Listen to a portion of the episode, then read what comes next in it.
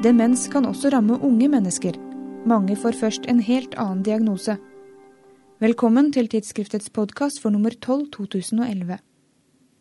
Den viktigste risikofaktoren for å få demens er aldring, men sykdommen rammer også unge. I Norge finnes det rundt 1200 personer under 65 år med en demensdiagnose, og i denne sammenhengen er det ungt. Tor Atle Rosnes er førsteforfatter av en oversiktsartikkel om temaet i tidsskriftet, og sier at man ikke vet sikkert hvorfor demens kan ramme allerede i 50-årsalderen. I utgangspunktet så vet man ikke så veldig mye. Eh, man vet at det er en arvelig komponent, men den, ikke, den klarer ikke å forklare alt. Eh, man vet at livsstil spiller inn. Røyking, høyt blodtrykk, sukkersyke. Usunne livsstilsvaner i forhold til det med kolesterol kan være gjeldende, men i utgangspunktet så, så, blir de som blir rammet av demens i ung alder, er relativt friske fra før. Spreke, unge mennesker. Alzheimers demens er den vanligste demensformen hos både unge og hos eldre. Men i den yngre aldersgruppen finnes det mange andre typer demens som ikke er så vanlig blant eldre. Sånn som frontotemperal eh, demens, leverlegemedemens, Huntington-demens og flere andre sjeldne varianter også da I forhold til noen sekundære former så kan det være snakk om alkoholdemens, eller også noe som heter Kreutzfeldt-Jakob, som gjør da eh, at utredningen blir desto mer sammensatt. Og utredning og diagnostisering kan ta tid.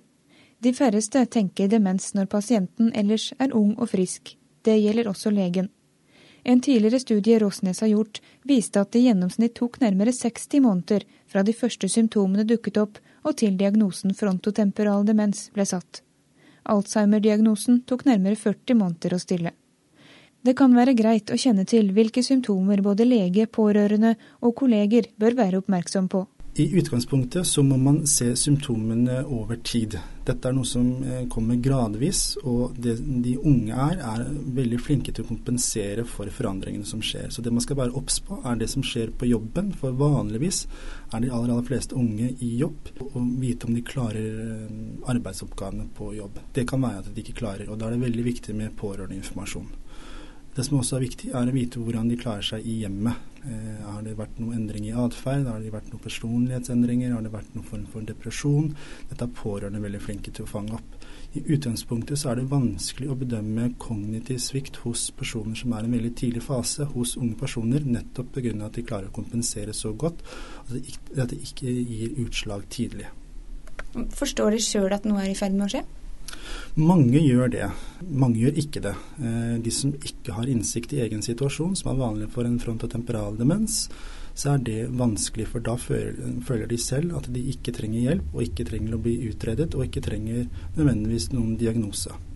De som har f.eks. en Alzheimer, vil være kanskje mer klar over at de begynner å glemme litt, eller ikke fungerer like godt som før i forhold til f.eks. det med regneferdigheter. Og, og, det er jo nettopp disse små endringene som må vurderes eh, innenfor det kliniske bildet når man, når man tolker eh, om det kan være mistanke til demens hos en ung person eller ikke. Rosnes mener flere leger bør tenke demens tidligere enn de gjør i dag, og henvise til spesialisthelsetjenesten. Mellom 30 og 70% av pasientene er først innom en feildiagnose. I utgangspunktet så er eh, primærhelsetjenesten ikke så vant med at demens kan forekomme i ung alder. Eh, og da er de ikke veldig oppmerksomme på forandringene. At de tillegger det med glemskhet eh, når det rammer i, i 50-årsalderen, noe helt annet. De får da f.eks. en diagnose på utbrenthet, depresjon, andre forskjellige eh, midtlivskriser, diagnoser. Eh, så utgangspunktet så er det viktigste for, eh, for, leger er å være klar over at demens kan forekomme i ung alder. Og hvis man mistenker det, å henvise til en spesialist pga. at det er så sammensatt i en tidlig fase, å vurdere dette. Nevrologi, alderspsykiatri og geriatri er aktuelle spesialiteter å henvise til. Å stille diagnosen er en omstendelig og omfattende prosess med fullstendig somatisk, nevrologisk og psykiatrisk undersøkelse. Det er en klinisk diagnose, men det er veldig viktig at man gjør en grundig anamnese. Eh, finner ut hvor lenge dette her har vart, at det er en klar endring.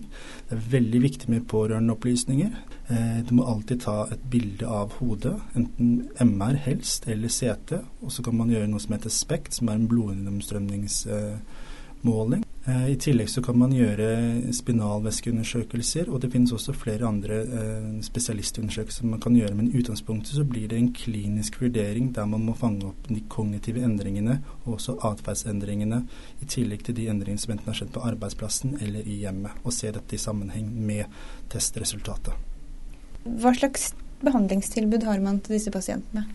Det er et veldig mangelfullt behandlingstilbud. Er, de, de, trenger ofte eh, Det som er viktig, er at de kan være lengst mulig hjemme. Eh, etter at de har fått diagnosen, så er det viktig at spesialisthelsetjenesten er involvert til å koordinere disse tilbudene som de trenger underveis i sykdomsforløpet. Da kan det være snakk om en personlig assistent, det med å få eh, avlastning, det med å ha dagsenter som er eh, egnet for yngre personer, ikke da for eldre personer. Det å ha aktivitetstilbud på dagen, slik at de ikke blir gående passive hjemme. Det er også noe viktig at pårørende vet at eh, de, hvis de trenger avlastning, så kan de få det på kort varsel. Og at de er da eh, innrullet i et eh, system der enten bydelen eller kommunen er klar over eh, utviklingen eh, når man har demens i ung alder, og kan tilrettelegge dette her. Medisiner også er viktig å vurdere. og Da er det viktig at dette gjøres hos en spesialist i forhold til antidemensmedisiner, kolinstrasehemmere. I tillegg da også til eh, hvis de trenger da f.eks. Eh, antidepressiva for å behandle en ledsagende depresjon.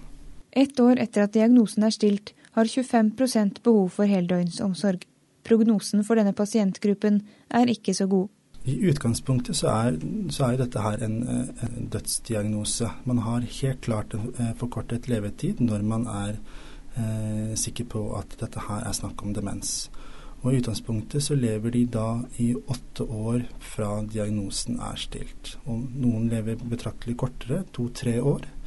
Noen kan leve da opp i 10-15 år etter diagnosen er stilt, men det er veldig sjelden.